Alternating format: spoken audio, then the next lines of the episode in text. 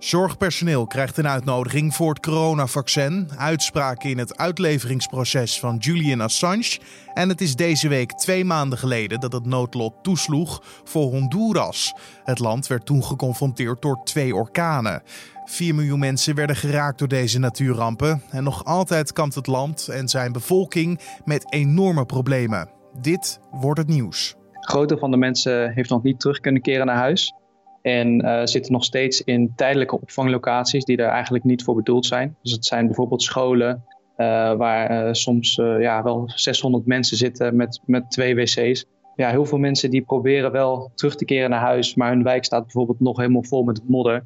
Vaak zijn al hun spullen vernietigd door de orkaan. Dus hebben eigenlijk niks om naar terug te keren. Je hoorde daar Johannes Chinchilla van het Rode Kruis vanuit Honduras. Ik praat straks verder met hem over wat voor puinhoop de orkanen hebben achtergelaten. Maar eerst kijken we kort naar het belangrijkste nieuws van nu. Mijn naam is Carne van der Brink. Het is vandaag maandag 4 januari 2021. En dus nog de beste wensen. En ik hoop dat 2021 een goed jaar gaat worden voor je. En ook vooral een gezond jaar. Bij een Poolse supermarkt in Tilburg is in de nacht van zondag op maandag een explosief afgegaan. Voor zover bekend zijn hierbij geen gewonden gevallen. De supermarkt is van binnen helemaal verwoest en ook de gevel van de winkel is beschadigd geraakt. Ook bij een flat in de buurt is er schade. Daar zijn de ramen van de berging gesprongen. In december vonden er vier explosies plaats bij Poolse supermarkten met de naam Bier Dronka, Pools voor lieve heersbeestje. Het is nog onduidelijk of deze explosie in Tilburg iets met de eerdere reeks explosies te maken heeft. President Trump heeft de staatssecretaris van de staat Georgia en tevens zijn Republikeinse partijgenoot onder druk gezet om voldoende stemmen te vinden die hem alsnog een verkiezingswinst kunnen opleveren in die staat. Dat blijkt uit een uitgelekt telefoongesprek in handen van de Washington Post. We have won this election in Georgia based on all of this. And there's there's nothing wrong with with saying that, Brad. You know, I mean, having the having a correct. The people of Georgia are angry, and these numbers are going to be repeated on Monday night, along with others that we're going to have by that time, which are much more substantial, even. Well, Mr. President, the challenge that you have is the data you have is wrong. In het telefoongesprek dat volgens de Amerikaanse krant een uur duurde en zaterdag plaatsvond, probeert Trump op verschillende manieren de staatssecretaris te overtuigen hem te helpen om zijn nederlaag in de staat ongedaan te maken. Het aantal auto's dat in vlammen opging in 2020 is met ruim 6% gestegen in vergelijking met 2019. In totaal kwamen er bijna 5600 meldingen binnen bij de hulpdiensten voor een autobrand. Dat blijkt uit cijfers van alarmeringen.nl. Op provincieniveau was de grootste stijging in de provincie Limburg. Hier steeg het aantal autobranden met ruim 13% In Friesland nam het aantal voertuigbranden daarentegen met bijna 12% af. Ook tijdens de afgelopen jaarwisseling werden de hulpdiensten bezig gehouden met het blussen van autobranden. Veiligheidsregio's lieten al weten dat er opvallend veel autobranden waren. Geraint Price is zondag voor het eerst wereldkampioen darts geworden. De Welshman won in Londen met 7-3 van Gary Anderson. De 35-jarige Price is de eerste wereldkampioen uit Wales bij de PDC. Tot dit jaar was zijn halve finale plaats van vorig jaar zijn beste prestatie op het WK. Price neemt door zijn wereldtitel bovendien de nummer 1 positie over van Michael van Gerwen. De Brabander, die door Dave Chisnell werd uitgeschakeld in de kwartfinales, stond zeven jaar lang op de nummer 1 positie en nu moet hij het doen met de tweede plek. Het is deze week twee maanden geleden dat orkaan Eta en daarna Jota toesloeg in Midden-Amerika. Je zou dit soort rampen bijna vergeten door de hele coronacrisis, maar de natuur houdt met niemand rekening. De zwaarste orkanen ooit in Midden-Amerika zorgden voor een reeks aan overstromingen en aardverschuivingen.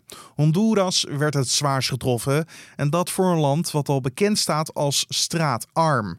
4 miljoen mensen zouden direct zijn geraakt en meer dan 300.000 van hen zijn hun huis kwijtgeraakt. Johannes Chinchilla van het Rode Kruis ziet dagelijks in Honduras nog de gevolgen van deze heftige periode. Grote van de mensen heeft nog niet terug kunnen keren naar huis.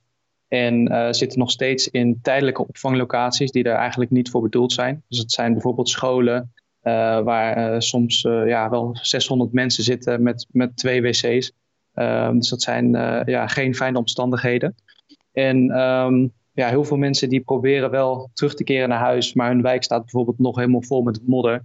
Ehm, en ja, hun, vaak zijn al hun spullen vernietigd door de orkaan. Dus ze hebben eigenlijk niks om naar terug te keren.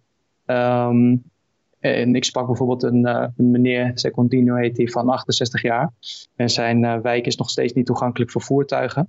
En ja, 80, 90 procent van de huizen is compleet vernield. En uh, hij liet mij de wijk zien en vertelde mij dat hij daar al 30 jaar woonde. En ja, nu dus alles kwijt is op zijn 68-jarige leeftijd. En net als vele anderen zonder bed zit en, en op de grond slaapt. Dus dat zijn, ja, dat zijn hele nare verhalen om te horen. Um, verder zijn er ook mensen die um, tot nu toe afgesloten eh, zijn geweest van de buitenwereld. Uh, door onbegaanbare wegen, kapotte bruggen, et cetera. Um, gisteren zijn wij uh, bij een gemeenschap geweest, ja, ongeveer 140 families. Die zaten op een, op een heuvel, op een hoger gelegen gebied. En wij hebben ze pas ja, sinds een paar dagen die mensen kunnen bereiken. Um, maar ze zitten daar zonder schoon water. Ze drinken nu water uit de rivier. Ze zitten zonder medicijnen. Ik sprak een, een oudere vrouw uh, van 54 jaar, Rena heet zij. En um, zij heeft diabetes, en, maar ze heeft daar geen toegang tot medicijnen. En um, ze had wel een zak met medicijnen gekregen en ze wist eigenlijk niet wat het was. ze kon ook niet lezen. En het bleek dus dat het antibiotica was. En ja, ze slikt dat nu dagelijks. Ze zegt van ja, volgens mij helpt het wel een beetje. Ik weet dat het niet voor diabetes bedoeld is, maar goed, daar moet ik het maar mee doen. Ja, en dat, dat zijn gewoon verhalen die grijp je wel aan natuurlijk. Want die mensen zitten al twee maanden ja, in de ja, in, in, in een ongelofelijke probleem. Ik wou net zeggen, dit, dit soort verhalen verwacht je na zo'n ramp. Maar hoe opmerkelijk is het dan om twee maanden daarna nog steeds dit soort verhalen te horen? Ja, zeker. Ja, dat is inderdaad uh, iets wat je liever niet zou willen horen. Maar uh, ja, wel gewoon de realiteit. Zeker ook vanwege de omvang van de ramp. Uh, hè, zoals ik net al zei, 400, sorry, 4 miljoen mensen die getroffen zijn. Ehm, het is zo'n grote ramp dat ja, uh, dat het moeilijk is om, om iedereen te bereiken. En uh, ja, we, willen, we zouden graag iedereen zo snel mogelijk hulp kunnen bieden, maar je bent ook afhankelijk van uh, de mogelijkheden uh, daartoe. dus zoals die wegen onbereikbaar zijn, die bruggen kapot zijn, ehm, je kan er niet komen met voertuigen ja, dan wordt het gewoon heel lastig om die mensen te bereiken. Want worden er wel stappen gezet om uh, Honduras weer op te bouwen? Ja, zeker. Je ziet wel overal om je heen dat, uh, dat iedereen bezig is. Uh, hè, en ook dat mensen vanuit de wijken zelf wel heel erg bezig zijn om alles weer op te bouwen. Um, maar vaak ook daar niet de, de, middelen toe hebben. Want als je, geen, als je in je huis kwijt bent en al je spullen, vaak ook nog je baan. mensen die bijvoorbeeld op op een plantage uh, werkte die, uh, die vernield is, die zitten zonder baan. Um, ja, waar, waar begin je dan? Um, hoe, hoe bouw je je huis weer op? hoe zorg je dat je je leven weer oppakt? Dus het is, een, het is een langzaam proces. En in hoeverre staat alles extra onder druk vanwege de coronapandemie? Ja, die is hier eigenlijk, uh, zoals we in Nederland een eerste en een tweede golf hebben gehad, uh, is dat hier niet zo. Het is eigenlijk een stijgende lijn vanaf aan, uh, begin af aan geweest de zorgsector die, eh, die, is, eh, die, die kon het al niet aan. En um, tijdens de twee orkanen zijn ook veel van die zorgcentra zijn, uh, zijn beschadigd of vernietigd. Um, waardoor de druk op de zorgsector ontzettend is toegenomen. Dus veel mensen die, die, die hadden al geen toegang tot zorg. En nu is dat, ja, zijn die cijfers alleen maar toegenomen. Um, en, en, buiten dat uh, om uh, is er natuurlijk ook uh, de werkgelegenheid wordt aangetast door de coronapandemie. Ik sprak een vrouw, Norma, een alleenstaande moeder van 31 jaar. En zij, zij was eerst haar baan kwijtgeraakt als verkoopster vanwege de pandemie. En later kreeg zij een baantje op de plantage, bananenplantage. Die werd verwoest door de, door orkanen. En nu zit ze dus, dus weer zonder werk. Ehm, haar huis, daar is eigenlijk niks meer van over. Er staan nog zes palen overeind met, met een beetje een dak erop. Uh, verder is er eigenlijk niks meer terug te herkennen. En uh, ja, dan vraag je je af hoe gaat zo'n vrouw weer, uh, weer opnieuw beginnen. Nou stond Honduras al voor de orkanen bekend als een uh, arm land. Hoeveel kunnen zij dan nog aan? Ja, wat je, wat je zegt, de, voor, voor deze orkanen had Honduras al problemen in de zin van structurele armoede, ongelijkheid. Um, daar komt de coronapandemie bovenop. Daar komt, komen twee orkanen overheen. Um, ja, het enige wat ik kan zeggen is dat de mensen ontzettend weerbaar zijn. De mensen die ik gesproken heb, die uh, ja, toch, toch heel hoopvol zijn dat ze, dat ze hun leven weer kunnen oppakken. Dat ze weer terug naar huis kunnen. En dat ze beetje bij beetje weer hun spulletjes kunnen verzamelen. Um, het is natuurlijk moeilijk te zeggen in hoeverre uh, het land er weer bovenop komt. Uh, maar wat wij zien is dat er gewoon ontzettend veel hulp nodig is. En waar we bang voor zijn is dat uh, deze ramp ehm, ja, van ons netvlies verdwijnt vanwege alle aandacht voor de, voor de wereldwijde pandemie. Wat natuurlijk logisch is. maar dat wil niet zeggen dat, dat deze ramp daar minder erg door, door is. En merk je dat de burgers bang zijn voor weer zo'n verschrikkelijke natuurramp en de gevolgen daardoor? Dat dan echt de emmer ja, overloopt? Um, op dit moment heb ik niet, uh, mensen, ja, uh, niet heel veel angst gemerkt uh, bij de mensen. Vooral eigenlijk veel, veel hoop. Wat toch wel bijzonder is na twee, twee van zulke rampen. Wat je wel ziet is dat sommige mensen nog steeds op ja, hoger gelegen gebieden. ja, niet echt huisjes, maar meer een soort van tenten hebben gebouwd en daar nog steeds verblijven. misschien ook met het idee dat mocht het weer overstromen, dat, dat ze dan daar hoog zitten. In principe. Um, is het seizoen van orkanen zou over moeten zijn. Dus dat, um, ja, dat, we verwachten niet dat dat nog een keer zou gebeuren. Maar goed, um, ja, wat ik zeg, de mensen zijn niet per se heel bang voor nog een ramp. Um, ze zijn meer bezig met de toekomst van hoe, hoe pakken ze hun leven weer op. En ik begreep ook dat er heel veel mensen toch het land ontvlucht zijn eh, om hun heil ergens anders te zoeken. Er zijn inderdaad uh, signalen van uh, mensen die uh, ja, willen emigreren, ook van, vanwege deze situatie.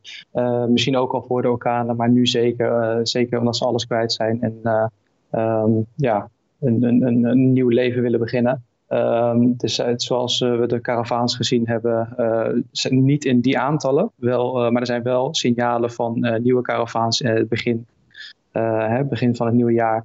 Uh, en er is ook al een kleine karavaan geweest uh, begin december. Dus er zijn zeker signalen dat mensen ja, erg, ergens anders naartoe willen emigreren om, uh, om een nieuw bestaan op te bouwen. Maar als ik de huidige stand van zaken zou moeten samenvatten naar jouw verhaal, is dat de bevolking hoopvol is naar wat ze is overkomen.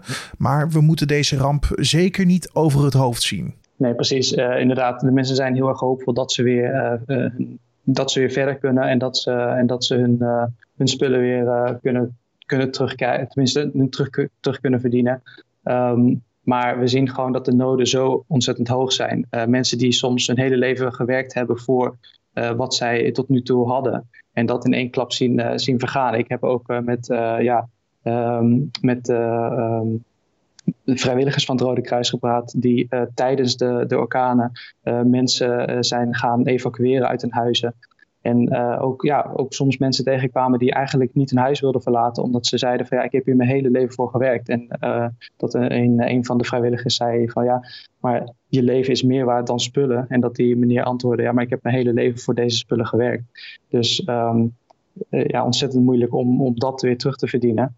Um, dus inderdaad zijn we, zijn we bang voor dat, ja, dat op lange termijn als deze, als deze ramp uh, van ons netvlies verdwijnt, dat die mensen niet de hulp krijgen die zij nodig hebben. Dankjewel Johannes Chinchilla van het Rode Kruis vanuit Honduras. En wat staat er verder te gebeuren vandaag? Medewerkers in verpleeghuizen, gehandicapte instellingen en de thuiszorg kunnen vanaf vandaag een uitnodiging voor het Pfizer-vaccin verwachten.